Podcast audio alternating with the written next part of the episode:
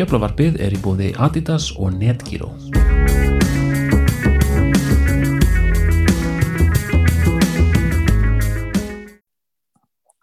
Velkomin í 93. þáttun á Djöflavarpinu. Djöflavarpið er meðal annars í búið Netgyro. Netgyro er afrann greiðsluleið þegar þú vestlar á netinu og ef þú ert að fara í búðuna þá getur þú skilið veski eftir heima og borgað með símanum. Þú velur um að nýta þér 14 dagar greiðslufrestið að borga einni reikningu mánaðamót eða hreinlega að dreifa greiðslurum í alltaf 24 mánuði. Bara eins og þér hendar. Með mér í þessu þætti er Þósteinn. Sælis, sælis. Erum við hérna, ætlum að byrja hérna ólíkt venjulega, ætlum að byrja að fara yfir svona helstu fréttir. Að er það fyrst kvennaliðið, það sigraði góðan sigur á útífelli á Evertón 2-0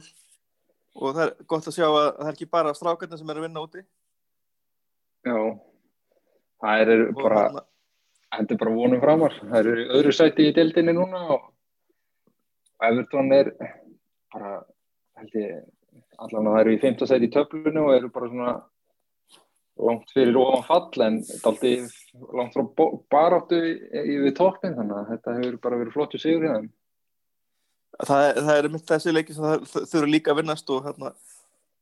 og það bara, þetta, þetta lið er bara er bara mjög skemmtilegt og með eins og þessi, eins og þessi, þessi þetta tap gegn Chelsea sem eru ríkjandi meistarar og voru í sætinu fyrir neða fyrir þann leik og, en ég meina það eru var líka frábær leikur Frábært lið, sko, Chelsea lið og það voru að koma eitthvað frétti líka um að einhver kallalið ætla að plokka í þjálfvaran hjá þeim sem er kona sem er sem er ekki hef fátítt að já, leiti til hvenna í þjálfarastör því miður en þetta verður auðvitað bara breyting til batnaðar ef það gerist þannig að að frá, er bara frábært líka og líka hérna breytum þá verður líka veist, gaman að sjá fleiri þjálfara þú veist þessi júrústildinni sem er ekki hvítir. Já, það er svona og, og, og þau myndu fá sömu sjensa eins og al- hversu, hversu oft fá menn eins og Alan Pardew og svona sem hver er að eða, eða, eða hann hérna vinnur okkar hérna sem er núna með sem hefur með lít sem Allardyce og, og hann hérna gamli hérna kallin sem er alltaf hérna með ykkur sem, sem við vitt að fara upp og, og hérna sem ég mann ekki hvað heitir þannig að og Warnock, Neil Warnock er, nákvæmlega maður sem ég var að meina. Sem fæ bara alltaf jobb í svona liðum svona, svona í liðum sem er í baráttum að komast upp og eitthvað meina en, er fljótur að veist, liður alveg fljótur að láta fara þegar hann er komið kom með því upp af því að hann er ekki ávísun á ekki alveg nóg ekki alveg nóg sexy hana á hliðalínunni fyrir lið sem vilja taka sér alveg í Premier League. Nei, og hérna ég held að sé núna með hvað Nottingham Forest eða hvað já, já, já, millispor allan Ha- eitthvað í rauðu þannig næsta eftir Já, tilt ég held að sé Nottingham Forest er, ég hérna ég svo, þú, þú er ekki að veðja húsinu á, á það sko en hérna en eftir, en eins og segja frábær sigur hjá, hjá stelpunum og, og hérna Ella Tún og Kristjan Press með mörkin. En hérna það versta við svona komið svona slæma frétti líka er að Tobin Heath er meitt og hún er frá í alveg hvað, 10-12 vikur þannig að getur það er, er alveg þrýr mánir en sem betur fer kannski er þetta ekki alveg eins og í kallaliðinu þannig að þetta er ekki það er ekki sami leik, hún mistir ekki jafn mörgum leikum veist, með þetta tímpil og ert missir á þrem leikim í, ef þú ert í kallaliðinu þá missur þú á kannski missur á kannski ykkur 16 að leikim eða einum 15 tímabilinu eða eitthvað. Já, og alveg, já, ykkur 12 leikim eða eitthvað, ef ekki meira. Með, Það eru síðan að- já, Já, ég sé bara að það eru að mæta síðan Redding næst og síðan fóður City sem hafa verið e, svona, það leið sem hefur verið að stríða Chelsea í síðustliðin ár já, í úrvastildinni þannig að það er, það er alveg program framöndan. og það er svona, þetta er svona lið sem er svolítið svona jafnt United svona styrkleika myndi bara svona fyrirfram. Og hann talað gaman því að í, í liðið mann til þessi ég er einmitt hérna Greenwood, ekki Mason heldur hérna Alex Greenwood sem var vinstri bakur United. þegar fóru, fórum upp og fór síðan til Lyon og svo aftur til Manchester en bara því byður í rántlið en en og ég þá er næsti leikur á sunnudaginn og þá hérna er retting sem er, er í hérna miðadeildina og, og er það ekki bara, ég held að það sé bara skildu sigur og bara og mæ, mælum með að það er hægt að horfa á þessa leiki á netunni ég, hérna, ég hérna, er ekki alveg klár hvar en það er hérna, ég held að hægt að finna það bara með lágmarks vinnu, lágmarks skúkli MUTV sýnir líka þessa leiki reglulega þannig að ef það eru einhver ennþá með, hvað heitir þetta, fjölvarpið eða eitthvað svoleið, þá ætti sústöðu að vera þar. já og svo er líka að þar. svo er líka hægt að fá bara app í Apple TV og, og held bara öll streaming tæki hérna þá er þetta fá bara áskrift Já. í gegnum bara MUT, MUTV. Ég held að MUTV.com eða bara manunited.com og þá getur fundið það fljótt og, og fengir áskrift það er ekki nefnir eitthvað þrjú pund eða eitthvað mánuði og, og öruglega þetta fá það jafn lótirar með einhverju, skuldbindingu. Þannig að og það er líka alltaf reglulega við, viðtölu svona, en við erum ekki að auglýsa, auglýsa en bara það, ef þið hafið áhuga þá er, þetta, þá er það svona einn leiðin. En, hérna, en að strákunum að þarna að hún heldur betur súr leikunni gegn Sheffield United um daginn og, og nú er búið hreinlega að viðkynna það að það hafi verið gerð mistök í domgæslinu leiknum og hérna mistökin eru tvö ansið stór mistök í með að leikunum tapast við eitt er að en mistökin eru þau að Mark Sheffield United hefði ekkert að standa og Mark United hefði átt að standa. Já, og Mark Sheffield United sem þeir skoruðu fyrstu leiknum eftir hortspunni þegar það stjaka við DG og síðan Já. þegar við að við höldum, jöfnum leikin að Harry Maguire stekkur upp í skallabólta og Ramstil já bara missir af boltanum og það er dæmt brota það. Þannig að ef að, ef að þetta, ef að leikurinn hefði þróast nákvæmlega svona þá hefði verið 1-0 fyrir United en ekki og, það, og það er alltaf að leika þannig að þetta er ansið mikið sveifla. Já, þetta það líka slæma bara við þetta er að þegar var var ekki þá var umræðan hefði hérna en þá oft á tíðan þá bara svona er fótbollin bara. En núna finnst manni og þú veist ekki eiginlega hægt að segja svona er fótbollin út af þessu vari út af þetta á, þú veist, manni finnst eins og þetta eigi alltaf að þetta á að geta séð rétt frá raungu en það hefur bara marg sannast að það er bara alls ekki þannig. Ef einhver Og er líka- að byrta til fleiri og ankanta á, á þetta. Nú líka, meðan það er líka sko mann, einhver mannleg tólkun og, og svona og líka þegar vera nú að þetta þú veist, þegar það er ekki hérna augljós mistök það er það sem fer alveg mest í töðuna mér af því að þegar dómar þeir kannski í nokkra mínútur að horfa eitthvað í slow motion og, og svolítið hægur og hægur til að reyna að sjá eitthvað til dæma og veist, eða, mér finnst það bara að dómarinn er eitthvað 30, sek, eða, hvað, 30 sekundur og hann sér þetta ekki á 30 sekundum að þá, ekki, þá er ekki að nota því að þá er það ekki augljóst það þarf, að, það þarf að vera eitthvað limit á og líka hversu langt tilbaka er þetta að fara. Já, þú veist, að því einhvern herraði eitthvað, veist, að það, sko fyrir fimm mínútum nei, eh, það þarf að vera það þarf að vera einhver sko eitthvað svona aðeins augljósar og, og, og þannig fárun þetta ef, hérna, að því bóttin er gefin áfram en ekki aftur og bak áðurinn er gefin áfram til að fá nýtt play eða eitthvað, það er bara þetta er, þetta er bara, veist, fyrir hvernig er þetta síðan sannaðist líka í gæra síðan sannaðist líka eiginlega bara í gæra það er þannig sé svona kannski reglunar gætu verið orðaðar betri. Uh, bæði David Lewis þetta var hann fekk rauð spjald fyrir að að hneða hún rakst í hælinn á úlsleikmanninum þetta var algjört óviljaverk og síðan Bentnarek að hann var að reyna að forðast að snerta Marcial hann í 6-0 stöðinu að fekk víta á og raut að þú veist, ef út af í bæði skiptin þá eru þeir ekki að reyna að leika boltanum, að veist, reyna að ná boltanum. En í hvoruft skipti eru þeir samt heldur að reyna að fella leikmannin þannig að út af, ef, ef þeir hefðu reynd að tækla gæjan og ná boltanum og hefðu bara túndraða niður þá hefðu bara fengið víti og guldspjald en í staðins fyrir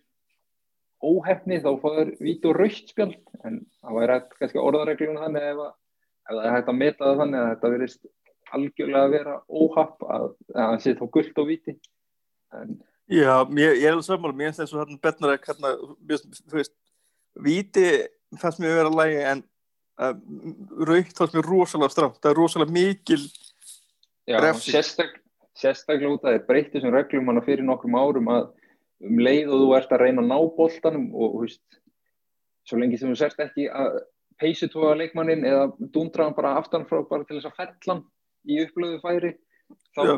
þá færðu guldspjald og vítaspinnu dæmt en þú veist, sem þetta, þú ert að reyna að ná boltanum en um leið og þú veist, þetta er atvikast svona óheppilega en sér náttúrulega líka að segja að það er ekkert óvart. Nei, í rauninni ekki, þú ert náttúrulega í hann er náttúrulega klaufa vera kannski í Já, þessari stöðu að þurfa að, að panik, svona, svona, svona panikara við það að reyna að forðast. Ég meina við, við höfum fengið á okkur ósangan viti þegar að Lindelof snýri baki í manninu og fekk boltan í olbúan já, þú veist, við, þú veist, við, þú veist lið fáalis sinn skerf og, og, meina, og sum atvik eru svona eins og þetta. Þau eru, þú veist, er ekki það algeng að sé í rauninni hægt að eitthvað meina ættast til að sé beint tala um það í reglum eða þetta hvað ég meina. Já. Þetta það sé væri, ef, ef að reglunar væru orðar eða væri þannig sé nánast bara búið að bæta einu orði við Já, ef, ef að atvikið virðist vera fyrir algjöra slistni að þá sé það veist,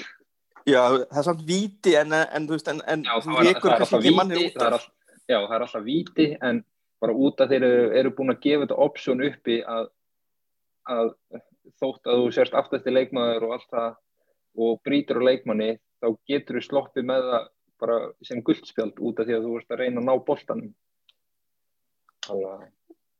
Já, en ekki bara að stoppa. Já.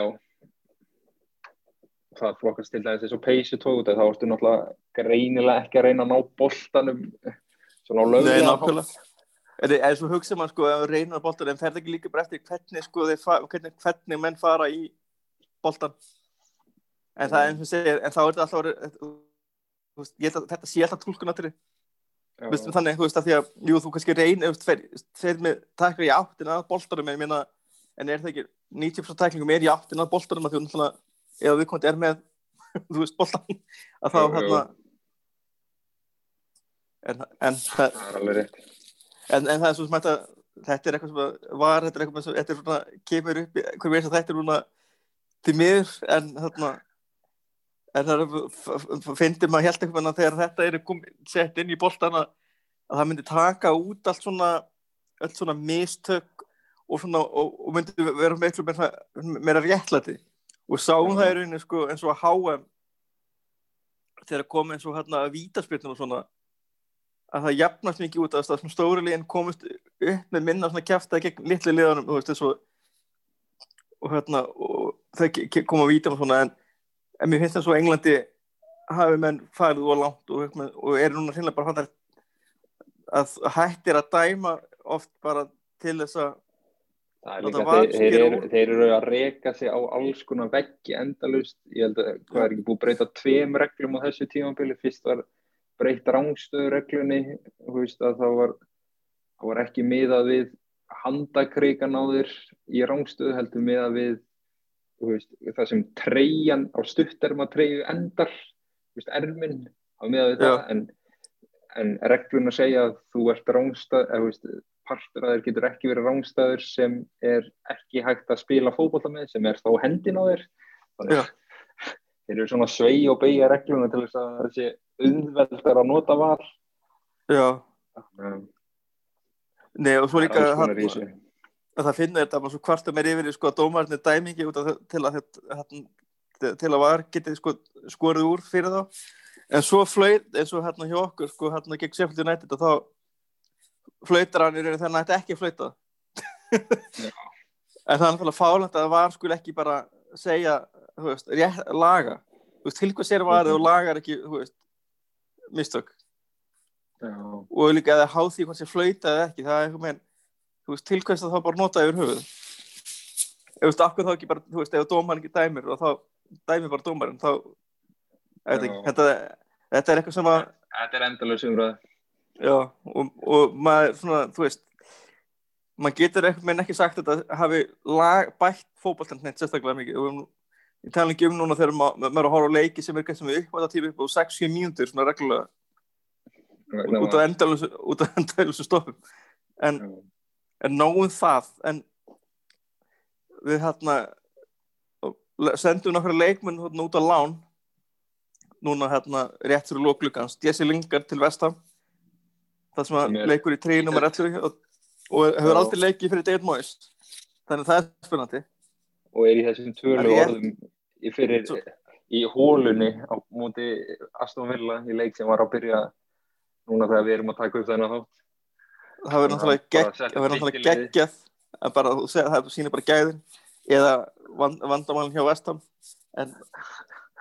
en ég meina eitt leikmar sem áhelling inn ég meina, og einu eina ástæðan fyrir að hann er ekki fengið að spila með ekkert endilega hann sé opaslega lélugur það er bara, þú veist bara Bruno Fernandes og Greenwood og svo strákar er bara miklu betri og eru bara ekki miklu alveg- betur. all, hann er bara ekki alveg á þessu leveli sem United er að eldast við að komast á. Nei, hann er svo- fyrir hann þá er hann að hellast úr lestinni bara, já, hann er svona Vestham, Everton þannig já, svona, svona, svona meina- efri helmings miðju, miðju svona, svona miðlungslið það eru tvö og hálft ár. Þar sem hann var bara stór rulluleikmaður í liði ennska landslistin sem fór í undanúrslit á HM sko þannig að já, en eins og segir, er ég átt að sagt og það segir, minnst alltaf að segja meira kannski mennskar landslið Já, en, en en, það- en þetta það- ennska landslið komst einhvern veginn í undanúrslit og já, það var var ákveða ákveða var eitthvað já, margir samt tölum um að þetta hafi nú verið þeir voru hefnir oft á tíðu með fengur svíja hvað í 16 liða nei, Kólumbíu í 16 liða sem fengur svíja sem voru sennilega slagast að liði áttalega úrslitum og þetta var svona auðveldar í leiðin já, ma- ma- maður nú sé það bara í lið hérna fyrir sem ennskuliðin þegar kemur um mistandendinu og en United náttúrulega vil því að fara erfiðulega hérna. Eins og þeir unnu þrennuna þetta fara að gera hvað Júndis og Inter sem voru tvö, betri lið með Európa á þenn tíma og, og þetta er þenn tíma þegar Inter var með Ronaldo. En hann en hann er ekki eini leikmann sem fór á láni en hann Facundo Pellistri fór til Al Alaves á Spáni. Og sem, hann sem að sem er bara ágætt skrif eina sem þú veist að- hvort þeir geti ekki alveg pottitt nota út að ef maður rúlar í gennu leikmannahópin þar þá eru nokkri svona sóknar sinna sem til dæmis verið að leika í ennsku úrvastildinni sem út að alveg sér í átjóndasæti í spænsku deildinni sem eh, þú veist, er bara í einhverju fallbaróttu hvort að þeir séu að fara að treysta á já, 19 ára úrugvæja sem er með enga reynslu í Evrópu að, þú veist, já, en er ekki en, vonandi kannski, en en líta kannski ekki á það bara þannig að þeir eru í áþundasæti og leikmannir sem þeir eru með er ekki virka þannig að, að það sé þess vona það. sem, sem fengið inn. Eða þú veist að það sé ástæð fyrir að fá hann inn til En dæmis maður- hérna þrý- þr- þrýr sem eru þekktir í þessu John Gudetti sem var á sitt í lengi sví já, já, sem og, eru U21 einhvað mót svíjar þá var hann aðalkallin í því liði. Og hann er getnað sem, sem alltaf lánar út þarna og, og er hann að spila með einhverju liði ekki Leeds en eh, einhverju svona, svona þannig liði hérna á Englandi. Ég man ekki alveg, þú, hann var í einhverju liði Burnley, Stoke. Celtic. Já, Stoke sem, ég- það var þannig, það var liði sem ég var að hugsa. En hann að ég minna þetta þetta gæti verið gott skrif fyrir hann ef hann fær að spila eitthvað en, en maður svona vorkinni greiði stráknum að því að hann var svona áttu við, fekk hann COVID fyrir í vetur. Já, bara sömu vikun og hann átti að fá, séns í að, með aðaliðinu held að hafa átti að vera að bekknum í einhverju leik það hlýtur að hafa verið eitthvað svoleiðis. en hann, hann var náttúrulega búinn að fá að vera á bekknum nokkru sinnum eins og hann var á bekknum í París en hann var svona eiginlega að vita að hann var aldrei að fara að koma inn á þar til dæmis en Já, Hann nei, hann átti- hann átti, þetta var örgulega verið FA-bikar þegar hann átti örgulega að byrja Já, það var það sem að tala um að, að hann átti, var, hafi verið að standa sig vel með U23 og, og hérna- hefur maður bara lítið frétt á hann, hann var, hann náði að skora hann eitthvað fyrir 21, en síðan, já, eins og þú segir, þegar hann fekk COVID, bara eftir það, þá var búið að lítið að frétta á hann. já, því miður. En, veist, en það er náttúrulega það er náttúrulega með svona löggildar afsökunum í dag? Hérna, COVID er það leggst mismundi á fólk. Og svo hérna var hérna Vein Rúni hérna fekk Tetur Mengilána til Darby já. Hérna Ég sá að Rúni hrósaði honum alveg í hátum stærsta að þetta væri veist, leikmaður með reynsli í úlingalandsleðunum og væri stór og sterkur og væri alveg klár í bara championship-tildinni með, með þeim félum. Þannig að bara sama með hann að og þetta gengur það vel. Ég það, ég sá í gæra Garner sem er á láni hjá Nottingham Forest, hann var alveg maður leiksins hjá þeim í gær, þannig að þessi leikmenn eiga alveg ekki að plumma sig á þessu leveli. já, Garnur sem var einmitt var að byrjaði tímbilið hjá Watford Já, og hérna var, var ekki menn ekki alveg virkað og líka þú það er ekki eins og eitthvað gaggrindi og gaggrindi júlætti fyrir að lána ungan leikmann í lið sem að skiptir um þjálfæra svo nærfött að sé kannski ekki besti staður til að vera fyrir, svona development. Þetta er náttúrulega Votvort er náttúrulega liðið með, hvað er ekki ítalskir eigendur, þannig að Jú, sem, sem eigundur út í nesi held ég. Já, og þeir geta verið svona fljótir að bregðast við og svona tekið ákvarðanir sem eru ákvarðanar já, en þarna en stærsta fréttin er sennilega svo að brenda brauðið er farið til bóka í Argentínu. Eftir Og eitthvað þarna- sex og hálfs á sveru hjá United. Já, og, og hvað eh, hvað 70 leikið eitthvað, það var eitthvað svona tók saman sko munin á Johnny Evans sem að Van Gaal seldi og Rojo sem að hann kefti að Já, Rocco, að Johnny Evans með 100 og eitthvað leiki Já, sko, Rocco náði vall upp í 100 og Johnny Evans var næstu með hátt í 200 leiki. Já, á þessu tímabili eftir að Johnny Evans var seldur og Rocco mætti. já, náttúrulega ég held að það, það og Rafael Sval er kannski heimskulegustu viðskipti sem að United fyrir gert þegar það er rauninni selja hérna Rafael til að fá inn hérna Darmian. Já, sem að margir hafi ekki glemt að hafa verið í United og það, eh, veist, og það er ekkert að álösa fólki fyrir það hann byrjaði ágætlega en, en, svona, en svo hana, voru menn fljóttur að finna hann út eins og Já. gerist stundum en ég meina því, miður fengum við samt aldrei að sjá hann spila fyrir United þegar var er í leik. nei, og sem, sem betur fyrir að, hann enda, enda slapp hann alveg að fór uppspjöld á ferlinu hjá United. Já, og það er bara út að það er 99% því að það var ekki var þegar hann spilaði. Já, en, hana, en svo er ég gaman því að, hana, að leikmarin hana, hinn hæri vangmann sem er kefturinn eða sem er hugsað sem hæri kallmaður hann getur hægt að spila held ég allstæðar hérna frammi líku ég held að hann getur lá- lánast verið í öllum fjórum stöðun en held að sé hugsað hjá United hann spilaði gegn Liverpool í 23 skoraði tvö mörg í, í ansi bara í Frábærum leik. að var þetta var hrikalega spennandi til að byrja með og svo eitthvað með byrju, ég held að United byrja betur og svo er Liverpool komið, eftir eitthvað smá stundi er Liverpool komið 2-1 og svo endanum vinnur United 6-2 Já, Já, þannig, að- Eh. þannig að það er ekkert aldrei leiðilegt að vinna Liverpool en, en hann Það virtist leit vel út strákur já, svona af því sem maður sá að þessu þá vistist hann vera svona kannski aðeins og góður fyrir þetta level. Þannig að vonandi er hægt að er finna þá og- leik, já, vonandi er þá bara hægt að finna leiki sem eru þá hans level sem hann geti tekið þátt í. Hann náttúrulega var, hann er búið að setja hann í Evrópadeildarhópin sem var byrtur í dag. Já, hann er semst bara í báðum hópum. Já, eða það sé bara Evrópu og, og, og hérna, úr, hérna úrvastildar þannig að það verður bara, bara frábært að fylgja þarna að sjá hvort að fá ekki verið að tala um hann sé hann er ekki í hóp að tala, tekið fram hann er ekki hóp fyrir hérna Everton en gæti verið hérna, gæti fengið sens í hóp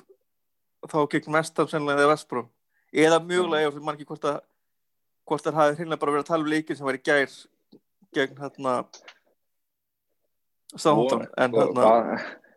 bara svona upp á eitthvað karma vonandi verða að fá, færa hann ekki í leik á móti Vestbróm við minnir að fyrsti leiku Janusæði fyrir United það var hann á móti Vestbróm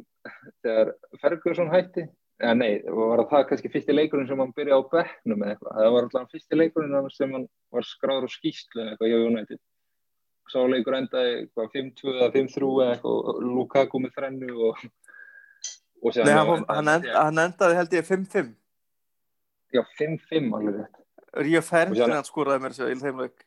Það átti náttúrulega sá leikur átti að vera svona síðasti leikurinn og Janus ætti að koma inn og eitthvað. Minnir hann hafi ekki komið inn og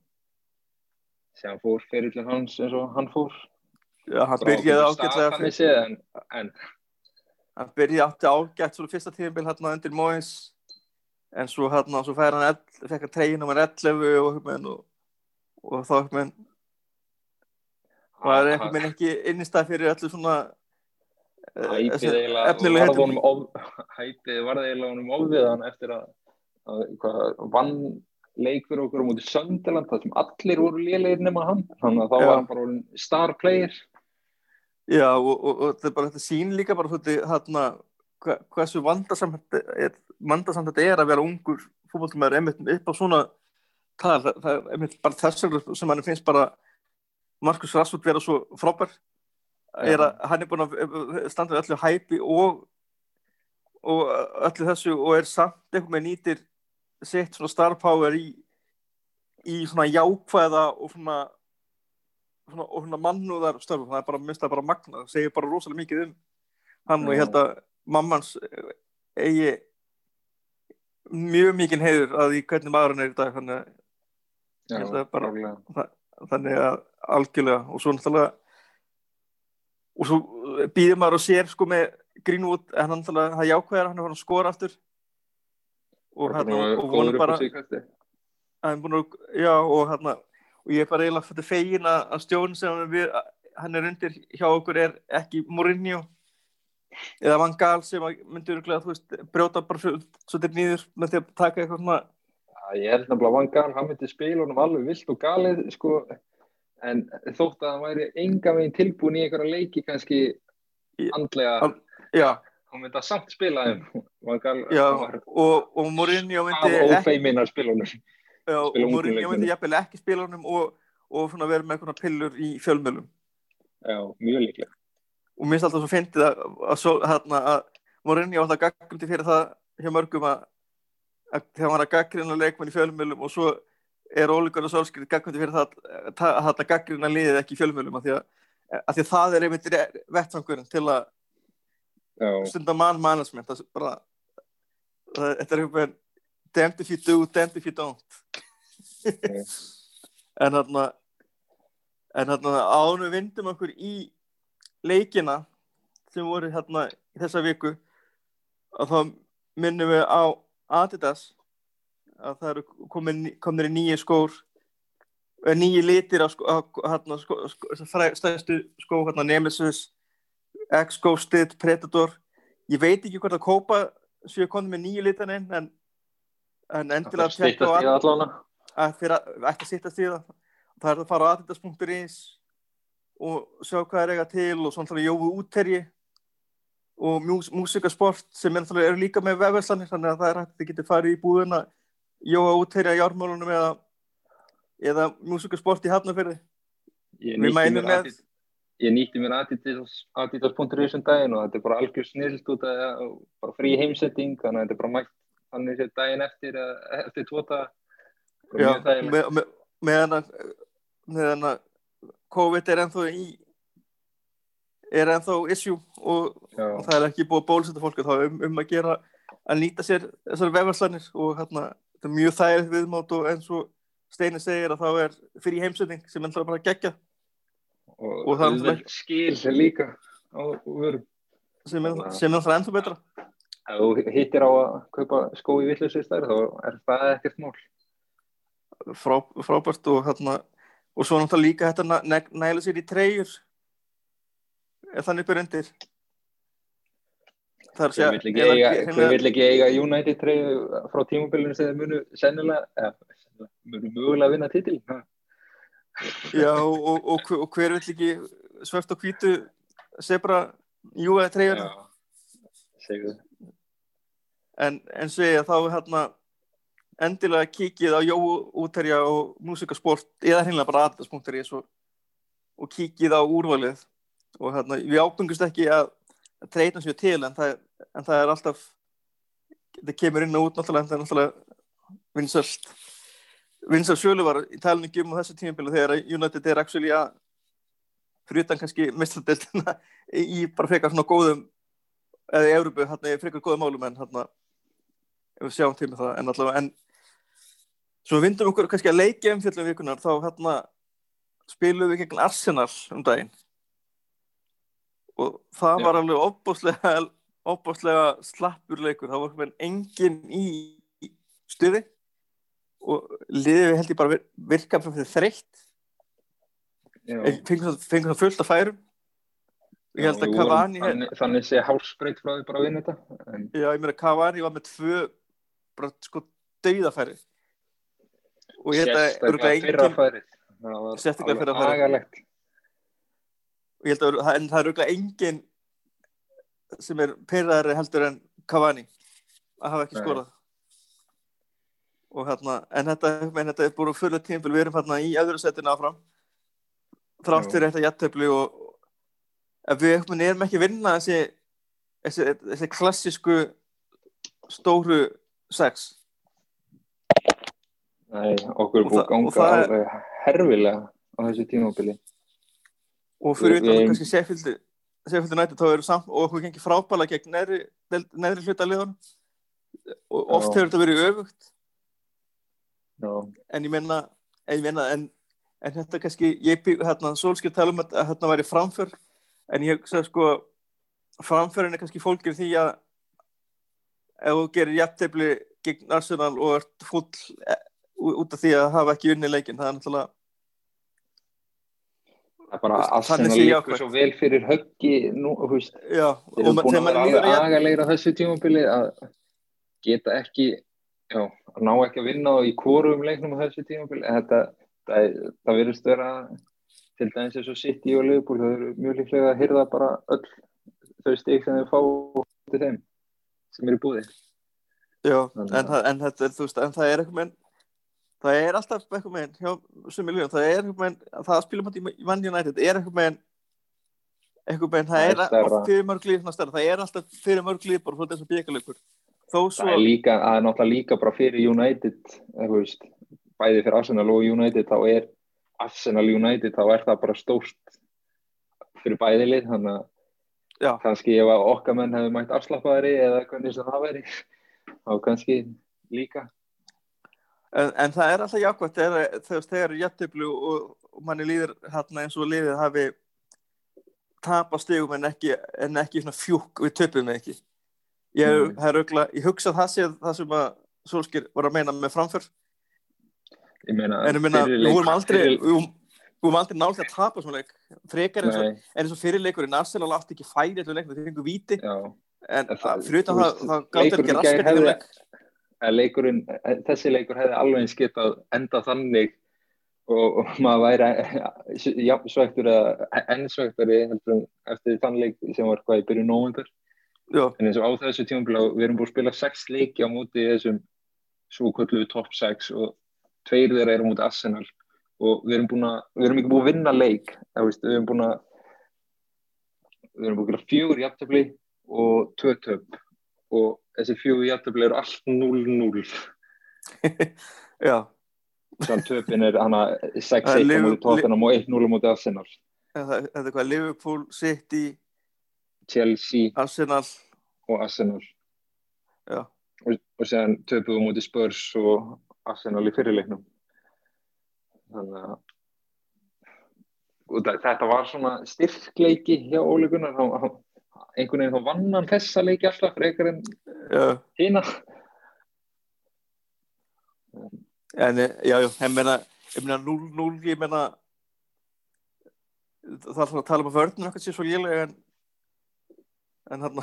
hún er ekki lélega það að við erum að halda þessum frí þessum sko, eins og City sem er þegar við tökum upp með næst bestu skoruðumörkin næst flest skoruðumörki deildinni höld, og er að vinna alla leiki og við höldum þeim í 0-0 þegar, þetta um, bara þetta er þegar þeir eru að fara að detti átt að rönn sem eru á núna. Og minna, minna Liverpool ég minna, þeir skoruðu gegn okkur í byggarnum en við skoruðum fleiri en ég minna veist, þetta er ekkit það er alveg ágætt afrega, ég minna en eins og Arsenal þú veist, þetta er bara, bara sennilega átt að vinnast já, á móti, þetta er sennilega versta Arsenal í mörg ár. Og bara, hann bara, en maður er bara svektur mann fannst líka og- bara sömur ekki alveg mann fannst líka bara sömur kannski ekki alveg bara einhvern veginn spennustíð og svoleiðis var bara einhvern veginn rátt í leik. Og Markus Rashford var alveg herfilega dapur í þessum leik sko, þótt hann reyndi veist, þá var þetta eins og þegar hann fekk boltan hann á fjárstönginni og tók bara allt og mörg töts þannig að þetta bara rann í já, það er, e- það er ein, ein ef það maður eftir gaggrina eitthvað með Markus Rashford þá er það yfirleitt það, þessi tendan sjá hann að taka aðeins og marga snertningu vera aðeins og lengi ákveða hvað það er að gera. Já, það var bara ákvörðan að taka. Sem er Það er- samt þrátt fyrir það alltaf að verða betri og betri. Já er og, og, og, 23 ára. svona, svo, þetta er miklu sjálfgefur að svona framistur hjá hann eru sjálfgefur heldur en hitt sko Já. þótt að Ég- svona, þótt að svona atvik geti komið upp í ýmsum leikjum þá yfirleitt skilar hann alltaf einhverju í hverjum leik. Allavega að búið Það- að vera þannig á þessu tímabili. Og, og heldur betur í leiknum hérna sem við ætlum að tala um tala um næst en en, en, en, en sem, ég myndi hafa miklu meira ágjör af ég hef miklu meira ágjör af Antoni Marcial þetta er nokkuð tíma Rásfjörd bara Rásfjörd eins og við tala um bara virkar á miklu sterkari personleiki Já, og það líka bara eins og við erum búin að tala um í þessu podcasti að manni finnst bara svona mann finnst einhvern veginn að tími Martial hjá Manchester United sé mögulega líðandi lók þótt að það sé engin umræða um það þannig veist, hann er vinsæll hjá mjög stórum hópi stuðningsmanna en hann var ekki búin að hann er- skora hérna svona smá spoiler alert fyrir sáfandaleikin hann var ekki búin að sk- skora í hvað 10 eða 11 leiki þegar kom þennan leik já, líka eftir fyrsta marki í þeim leik sem Aron Wan-Bissaka skoraði þá var hann búin að skora ja, mörg mörg og Aron Wan-Bissaka í deildinni á þessu tímabili og Aron Wan-Bissaka þetta eru einu, tvö mörkina til fullónisfóbolta sko. þannig að það er ekkert spes áreik fyrir framherja í Manchester United að vera með færri mörk No. kluskan hægri bakur fyrir fram á markið Já, fyrir sko hæri bakum sem er frægur fyrir að vera slagur sóknarlega. já, Að bókstala, þú veist, það sem er gaggjandi fyrir helst. En mér náttúrulega, en þannig að við kannski vindum okkur kannski bara beint í, í sáþáttun, en þarna,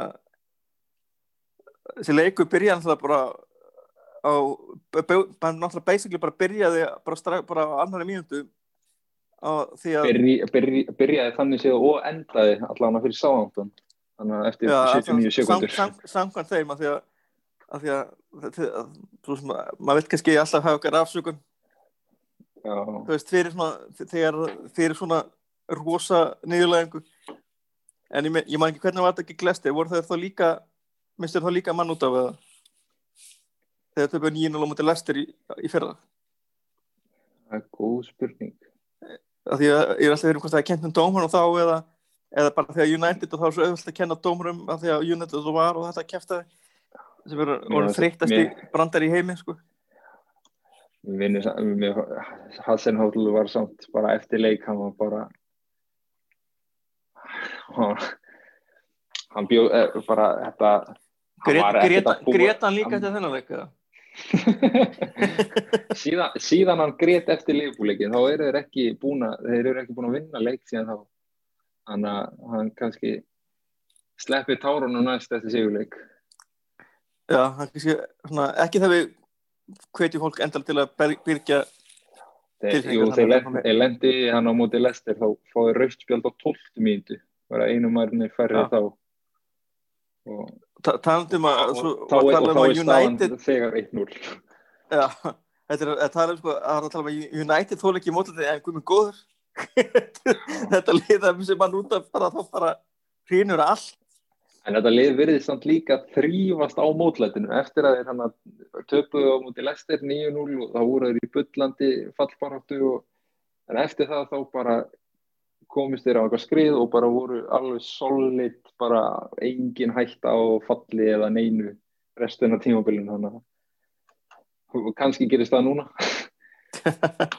nema að verði, verði kannski öfugt. Þeir eru búin að standa sér alveg þokkalega vel á þessu tímabili hinga til að hvort að það færi í baklás núna eftir þessu úrslit, maður kemur bara ljós. Já en þetta er, það er bara skondið þetta sé sama, sama lið. Já, en það, það er en samt eins og með þetta sándunlið þessi, hvað heitir hann? Jankovic sem fekk rauðspjaldið þetta var fyrsti leikurinn hans í ennskúrastildinni og það var sama með hægri bakurinn þeim, þetta var fyrst, fyrsti leikurinn hans í ennskúrastildinni það það er einhverju tíu gæjar á meðslalista hjá Sándun þannig að við, við þe- við þekkjum það nú sem United þetta er bara tímbili núna og í fyrra er kannski það fyrst tímbili sem er, við höfum ekki alltaf verið bara með hálfliðið meitt og slasa þannig að það bara, það er Sem sem sem er annað sem að- Solskjaer Það er ótrúlega dýrt fyrir liðið svo sándun að vera í þannig aðstæðum. A- algjörlega, en ég meina en, en talandi það sko þá hérna, með þetta minnstalistan á United hérna, mér finnst það svo Solskjær og, og Karrik og félagar hérna, megin og fá hellingskriti fyrir það að, að menn eru ekki að meiðast hægri og vinstri. Nei, og það hafa- er hefur alltaf verið undanferðin tímabil. Já. sem er bara, er- ekki líka eftir bara- fengum inn, fengum inn hérna nýjan sjúkurþjálfara Jú, og séðan Og líka bara eins, eins og var talað um sá að fá launahækun Já, klárlega. En séðan er líka bara eins og ólíkunar virðist að hafa komið og hann kom bara mönnum í miklu betra form og svoleiðis og bara því betra formi sem það er minni líkur er að þú sért að lendi í einhverjum meðslum og það þá, þá er allt í toppstandi hjá þér. Og umræðan var, veist, það var oft með Mourinho, þá var bara síðasta korter í tímyndru leikjum þá, þá var liðið byrjað að anda með raskatinu og bara voru ekki var- kannski í, almennilegu standi og þá er líklega að þú meiðist þegar þú ert ekki alveg tilbúin til að klára 90 mínútur. Nei, og einmitt gera mistök og, og, fá, og veist, fá þeim mark og svona þess að var alltaf bara dottið tilbaka Já. síðustu 20 mínútur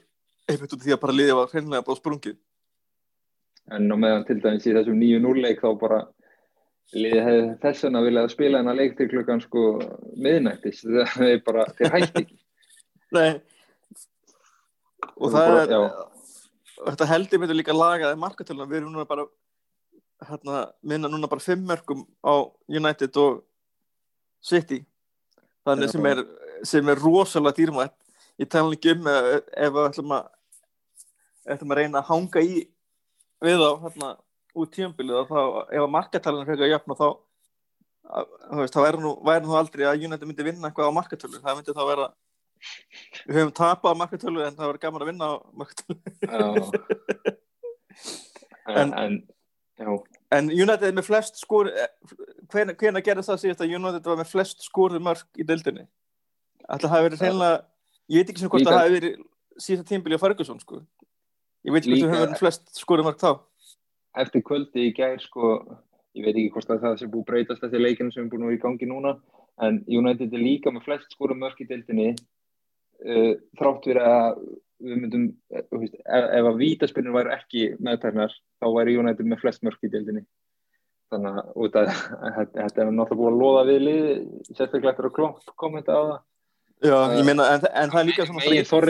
megin þorri, markaða liðsins kom úr vítaspinnum en en það er bara ekki rétt. Það er ég ekki meina, og, og, líka við tökum úr vítið þannig að eru líka tekin út vítið hjá hinum liðunum, af því að hinlegin fá alveg vítið líka sko. Já, já, en, en, en, en það er ekki eitthvað skandal en það er Nei. eitthvað skandal af United vitið sem er bara þetta er bara svona, þetta er svona gamla góða afbyrju semin og svona hattir sem að maður var búin að Já, Mik, ég, ég, ég kýst þetta frekar heldur en hérna vorkunina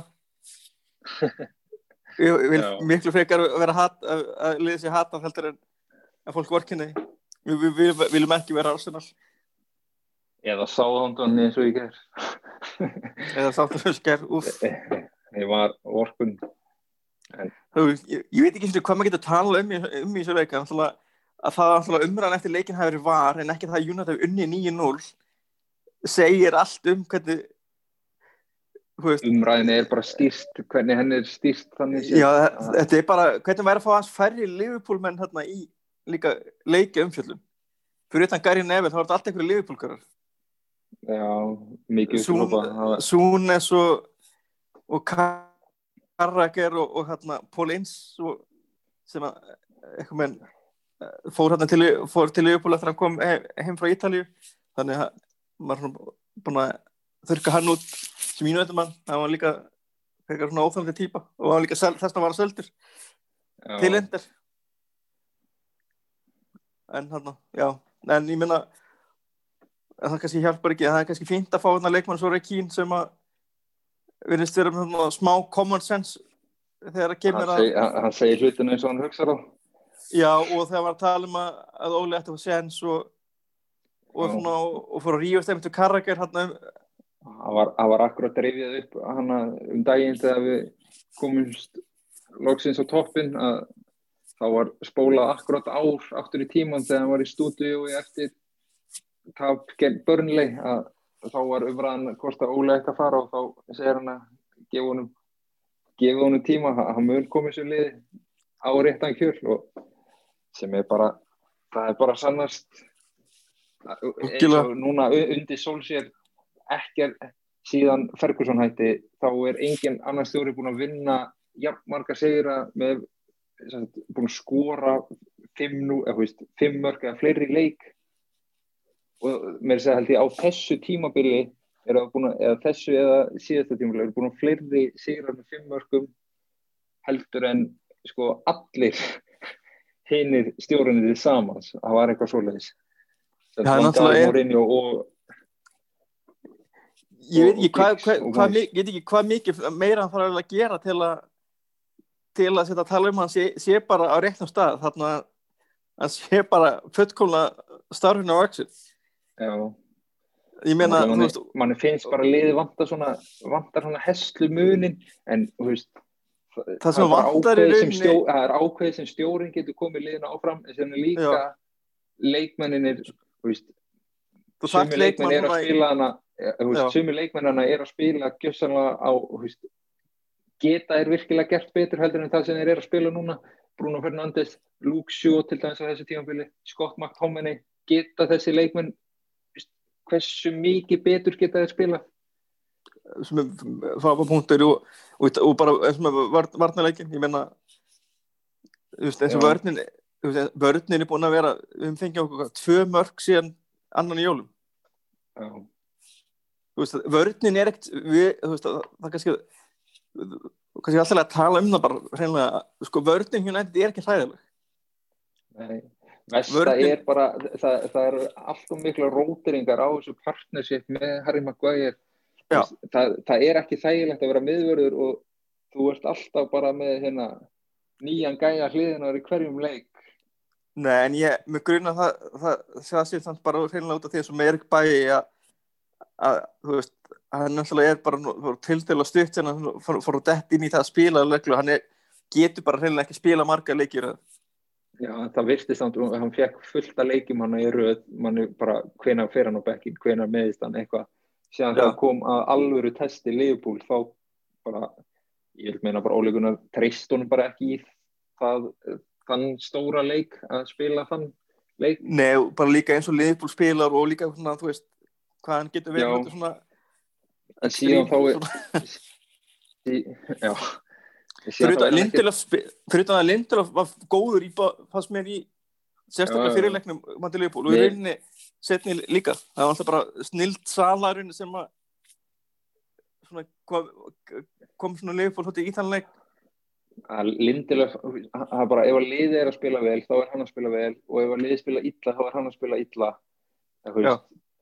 og á þessu tímabili þá er liði oftast búið að vera að spila vel þannig að þá er hann oftast góður og mér finnst hann bara búin að vera mér finnst hann best spilandi miðurörun okkar til dæmis. Hann er,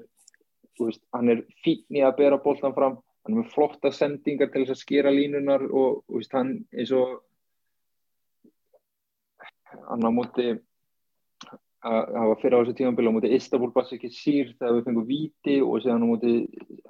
Seffield þá setur hann sendingar, loppar honum yfir varninar og, og veist, flottar sendingar inn fyrir. Það er, og man ekkert eftir mörgum miðverðum upp á síðkvæsti hjá United sem hafa gert þetta veist, fyrsti sem kemur í hugun á manni er Daily Blind sko. Þannig að ah, Daily.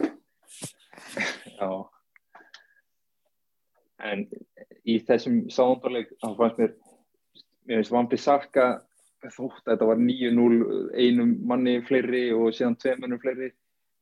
í þessum Arsenal-leik þá fekk hann til þess flott skallafæri í fyrriháleik hann er byrjað að skila sér inn í tegin og fyrirgjáðunar er að vera betri. Hann var með til þess stóðsendingu í gæðir og þú veist hann er, hann er að bæta sér sóknarlega sem er mikil þörf og það er náttúrulega mikið mikið rými fyrir bætingu. En það skorar óleggur upp í gær. Maður hef ekki búist við að Vampi Saka myndi skila því nánast nokkuð tíman með maður svo nættið Nei og, og, og maður höfði líka aftur á það hann er 23 ára. Já. Og, og, og hann er sko hérna miða við sko hann kemur úr Crystal Palace. Þetta er ekkert smá skref upp á við. Sko Crystal Palace liði sem sko lá bara tilbaka og setti langan fram á Saha sko. Já, þannig að hann hefur bara hafði aldrei þurft að spila, þetta var bara þurft ekki að vera hlitur af hans leik sko, hann er, hann er bara, hann hefur átt veist, í, nokkra sko stóðsendingar hér og þar og svona, veist, ég menn þetta er alltaf eitthvað sem er að hafa batna stórlega hjá hann og, og hann verður bara betri í þessu. Og, ég, og, og til, til að vera fullkvæmlega bara fer og þá meðan hann er góður sko varnarlega þá, það er það, sem skiptir mjög málum að bakverði ekki bara kannski einn soknarfrálu en, en það er kannski einar kannski sem að sem að hann þarf að laga hjá sér er þegar hann á kannski til að horfa mikið á boltan og þegar hann er hérna missa kannski línuna svona veist, eins og rangstöðu. En annars bara Ég, ég er svo skemmtilega umræð á Twitter þar sem félag okkar í podcastinu hérna, Danni tók þátt í að hvort hvort myndir við velja Gary Neville eða Wan-Bissaka Gary Neville leikmaður sem var bara svona solid í öllu á meðan Wan-Bissaka er veist, world class í einu og slagur í öðru veist, velur það er Rétt, ég, en það er kannski bara út er kannski bara kannski minn aldur en, en fyrir mér var það Gary Neville því fyrir mér hann vera Gary Neville og Beckham hann að partnershipið hægra, hægra megin oh sem var miklu uppaldi hjá mér. Líka talandu um partnership Rashford og Luke Shaw það fyrstu tvö mörkin komu bara upp úr samspili hjá þeim tveim upp vinstri kantin það var hann að fyrra marki þegar þá keirir Rashford á örnuna og skilur hann sendið baka og Wan-Bissaka með sendið góð fjár og Wan-Bissaka eh, nei Shaw með sendið góð fjár og Wan-Bissaka skorar. Og síðan ég er með hérna smá smá breaking news. Ok. Hérna, Jesse Lingard er búin að skoða fyrir Vestam Thomas, Thomas Susek kom Vestam í 1-0 og Jesse Lingard og, og Lingard skoraði og komið 2-0 hann er big game Jesse bara strax var hann að láta til sín taka. Og annan yes. nei og svo er er hérna Breitton yfir á mati Lugipól og Anfield. Þannig að það stefnir í 13 og þetta haldist út. En það er alltaf, en miða við sko, fyrir þetta kannski, maður veit ekki hvernig hvort það, það haldi hvort það haldi það út en, en það kannski áhugast með allir hinuleikin að stefnir í allir hinuleikin sem út að sér og það sem, sem er ennþá áhugaverðara eða óhugaverðara, þá endra ekki ákveðin grúp á Facebook er að öll útilegin skoruð tvö mörg City vann Burnley 2-0 Leicester City vann Fulham 2-0 er þú hann Leeds 2-1 það sem að Gilvi Sigursson skoraði hann að marki?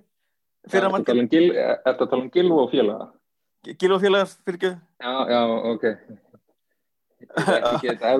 Og, og, og, og Vestaf leiði 2-0 þetta ástaf vilja þannig að þannig að það er bara tímaspilsna hvernig Brighton skorar annar marki gegn Liverpool. Eða, eða til að vera kannski raunsæri þá til að Sala skorar eins, eins gott að skori. Ég var að setja hann sem, sem kaptein í Fantasí fyrir umföruna og ég var alvarlega íhuga að kaupa að það er yfirleitt loðir við leikmenn þegar fá múf að skori fyrsta leik. Það er ekki líka um þegar menn lendur svona líðin sem er á þeirra leveli og þeir fá að spila og þá þeir eigi fullkominleik að, að, að, þú veist, að sé það ekki bara hen- þú veist, að þeir sé það ekki bara hent á bekkin þú veist, að þeir þurfu ekki gera jafn mikið til að bara vera, þú veist, til að fá bara sjans en, ta en talandi um hann eins og Shaw og Marcus Rashford, mikið vona ég að að þeir svona hittist bara fá sér ís samál sem sé bara svona og, reynda vona ég það ekki bara lúk sjóvægna e- ekki, ekki e- frá- ég, mein, ég, ég meina Frostna ha- já, hann verður í einhverjum jójó sigurskertum já, einhverjum soja ís. einhverjum. Já, helst bara fróspinnum sigurlösum fróspinnum já svona, svona, frosi hérna klaki á, á pinna já, en þarna, já.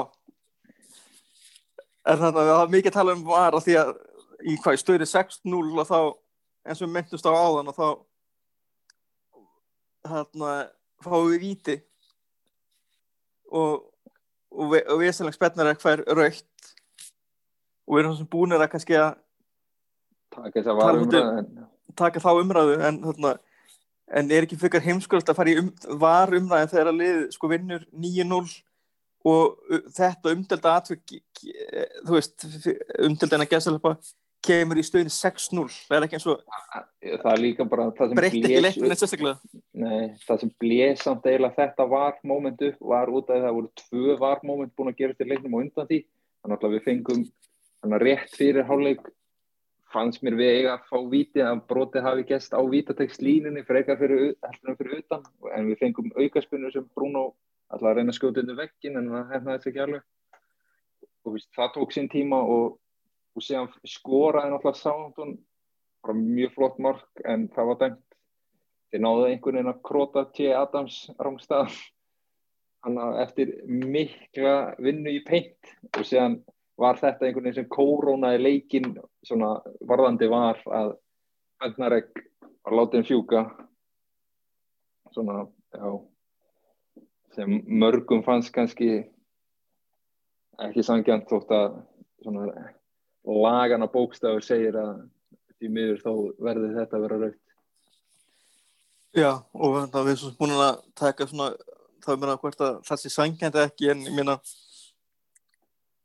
ég meina ef uh, mörg lið í vetur hafa lengt í hérna Liverpool United og þessi lið við með lengt í því að að vera svona fúl út í var þannig að ég meina Já, það er, bara hluti af þessu, ég meina menn er alltaf ósáttið með, eða fólk er alltaf ósátt með allt hvort sem það var eða dómarinn eða línaverðurinn þannig að einu sem er breyst í rauninni bara Svoleiðis svoleiðis viljum við líka hafa annars, annars væri hundlegilegt að tala um þetta stund ég meina, þú veist, til hvers væri þetta podcast eða væri engin, ekkert til, að- eitthvað svona smáatrið til að rífast um og, og og svona einbina á og svona og rökriða út í því endalusa en allavega þetta var allavega, stórkastlega sigur. Ég meina, þetta var bara gali, maður er bara í, sjokki bara, ég man ekki eftir þetta var svipið tilfinning og hérna og hérna ég átt á tvö leikningin national, maður svona, hvað var ég að horfa á? Og Mér- svo, mér- og, og, og svo órumverulegt Já, svo ég var með skýsluna í gæri að skrifa um hennar leik. Ég, ég var einhvað að reyna að skrifa þetta svona næstu í óðum en svona síðustu 20 mínútuna var það gjössanlega ómögulegt það sem United Ég- lá bara á þeim Ég- og það kom bara svo- markið annað hverju svo sko. já, nákvæmlega, nákvæmlega þetta var bara Já. gali sko og minna þetta er á meðtali mörg og nýmynda fresti, Já. eða tímynda fresti sem manni, er náttúrulega- man, svona manni, manni langaði í þetta 10-0 til þess að hyrða bara einhvern, þetta met við erum það er- einir með það það væri geggjað Já. en ég meina, það var náttúrulega svigurum fyrir að lengja uppbóta tíman eftir öll þessi varmoment en ég held að Mike Dean hefði nú líka bara vilja nota, nota bara common sense. Já, þú veist að, sá þú var ekki, þú veist, að hann er kannski, ef að staðan hefur 1-0, þá kannski hann ekkert það en, en þegar Nei. staðan er 9-0 þá er það kannski ekkert endilega þá er voru litlir á þeir litlir að þeir komast inn í leikir aftur. Já, þannig að það er bara stu, í stundum skilum maður þá ákveðinu dómurum að hreinlega að le- að leifa leiknum bara að enda. Þó svo náttúrulega kannski strámt í tekið þá náttúrulega á að spila þessa mínútu kannski en ég meina en í þessari stöðu ég meina fyrir hvern? Nema fyrir okkur að vilja sláta með þetta en ég meina en það er bara, það er bara eitthvað, eitthvað sem er til að stefna í framtíðinni. Klart, já, en allavega, en við kannski látum þetta gott heita þessa viku en við minnum á leikin gegn Everton á laugardaginn. Og það verður hörku verður Gilvið Sigur farin að skora á svona. Og ég ætla að vera rétt að vona sem ekki fara að gefa um aukarspilnur þarna vinstra megin fyrir fram á vörnina það hefur nú kostið okkur nokkur sunnum þegar, þegar Gilva félagar hvort sem að Swansea eða Tottenham eða Everton hann að hann fengi aukarspilnur gegn okkur og hann hefur oftar en ekki sett hann líka bara flottur sigur hjá þeim til dæmis í kvöld að vinna Leeds 2-1 á útvöldi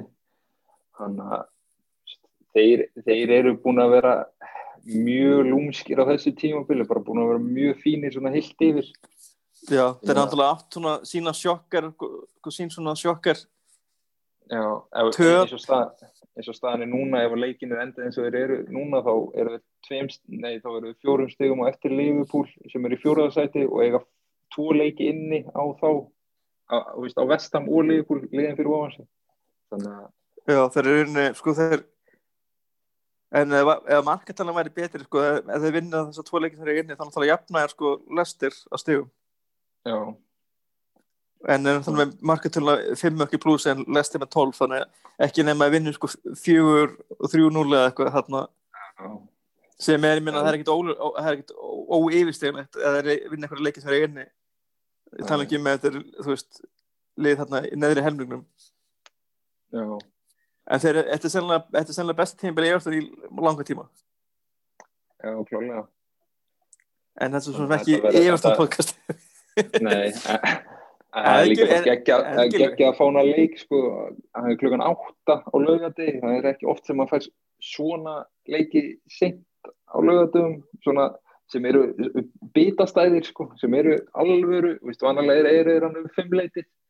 þessi er bara Já. átta um kvöld og þetta er, þetta er stórleikur. Þetta er, veist, liðið fyrir utan þessa top 6 sem er þá já, er svona næst því kannski að vera einn á þeim lista. Það var alltaf bara geggjað að bara skila inn og góður framistuð og, og, og, og þrjú stíðin alltaf í þeim leikmum það væri, væri bara gegg það væri, væri bara gegg í úslit Já, og menn kom bara vonandi með alveg sjálfströst inn í hennar leik og séðan náttúrulega, kannski sem við komum ekki inn á Luke Shaw Cavani voru teknir út af hann í hálfleik. Cavani var einhvað aðeins að eitthvað aðeins smittur en vonandi verður hann veist, vonandi var þetta bara til þess að hann mæti alveg fílfraustur um helgina. Og það er eins og staðinu núna þá þurfum við á honum að halda í fremstu výlunu Nei, en það, það kemur rauninni ekki ljós fyrir sko, fyrir nú blaðamann að hundi Solskjær sem er nú sannlega hvað fyrstdæðin hérna fyrir leikin og þá munum, munum við þennan að fá vita það. En það getur hreinlega, bara líka verið að það bara tekið upp það kvíla ég menna staðan var líka þannig að það er svo sem engin ástæð ef þau voru eitthvað svona pingutæpir af aðeins streytir að ef þau finna einhvern, finna einhvern smá óþægundum þá er engin ástæð fyrir að láta það spila setna á líkin Nei, Cavani er að skila alvöru, alvöru tölum fyrir þetta lið. Hann á móti liðbúl í byggarnum þegar hann fekk hann að kerkomi eða svona start í alvöru leik svona risaleik. Þá var hann með 12 kílómetra hlaupan 12 kílómetra. Meðal framherri í toppdeildanum í Evrópa er að hlaupa 9 kílómetra í leik. Þannig að leikmann gefur svo mikið fyrir liðin ég, hérna, ég bara tek alveg tilbaka hérna, við hérna Elli hérna á hérna, fyrirvændi riðstjónum meðlumir hann hérna við tölum oft mikið um hérna Cavani og, og, og ég talaði sérstaklega mikið um það ég hérna, það var, voru orðað við okkur ég veit ekki hversu marg ár öruglega ykkur 8 ára eða eitthvað 8-9 ár. Og ég var aldrei spenntið fyrir þessu leikmann og mér fannst hann eitthvað bara of, svona, ofmetin eitthvað, svona, var bara eitthvað, eitthvað hérna í Napoli eitthvað og, og svo í Paris ég meina, þú veist, hvað segir það? Og ég bara, hann er bara, bara tróða svo miklu sokk ón í mig. Ég er bara, bara, þú veist, bara hvað er bara professional og bara, og hvað er búin að vera bara drullu góður. Já, Óli Gunnar kom, kom inn á það í viðtali fyrir leik að núna á milli Arsenal og Sándurleiksins þá hann hafa hann tekið grinn út bara til hliðar og verið að sína um klippur og svoleiðis hvað hann ætti að gera betur til þess að veist, fá betur út fyrir þá báða að græða betur á já, leikstíl þeirra tvekja að, veist, að, að hann sé að hann er 34 ára gæði sem er búin að gera allt í þessum bolta og er á hæsta leveli að taka veist gæja sem mun vonandi komast einhvað á svipa level og hann að bara sína honum og kenna það sem hann hefur, já, alla hans reynslu, það er bara frábært. vissulega. Og hann og herru við minnum á eins og segjum Everton um helgina. Og, og eftir þann er held ég byggaleikur gegn Vestam einni á, á, hann, Old Trafford og það er hann þriðdæðin næstkomandi. Þannig að ætlum við verðum ekki með okkur bara eftir,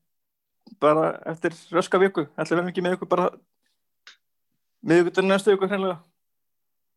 Taka stöðuna eftir næstu helgi. Það verður bara og það verður vonandi jákvæmt podcast en ekki en ekki eitthvað dúminn glúm en hérna en Steini takk fyrir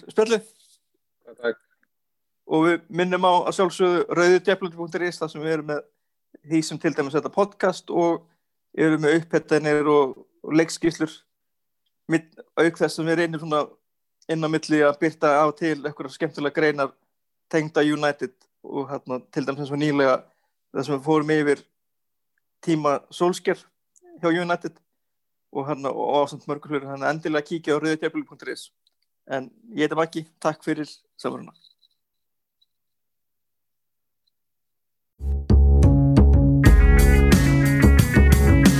Takk fyrir að hlusta á djöflavarpið. Þið getur fundið frekari umfjöllun um Manchester United á rauðudjöflarnir.is.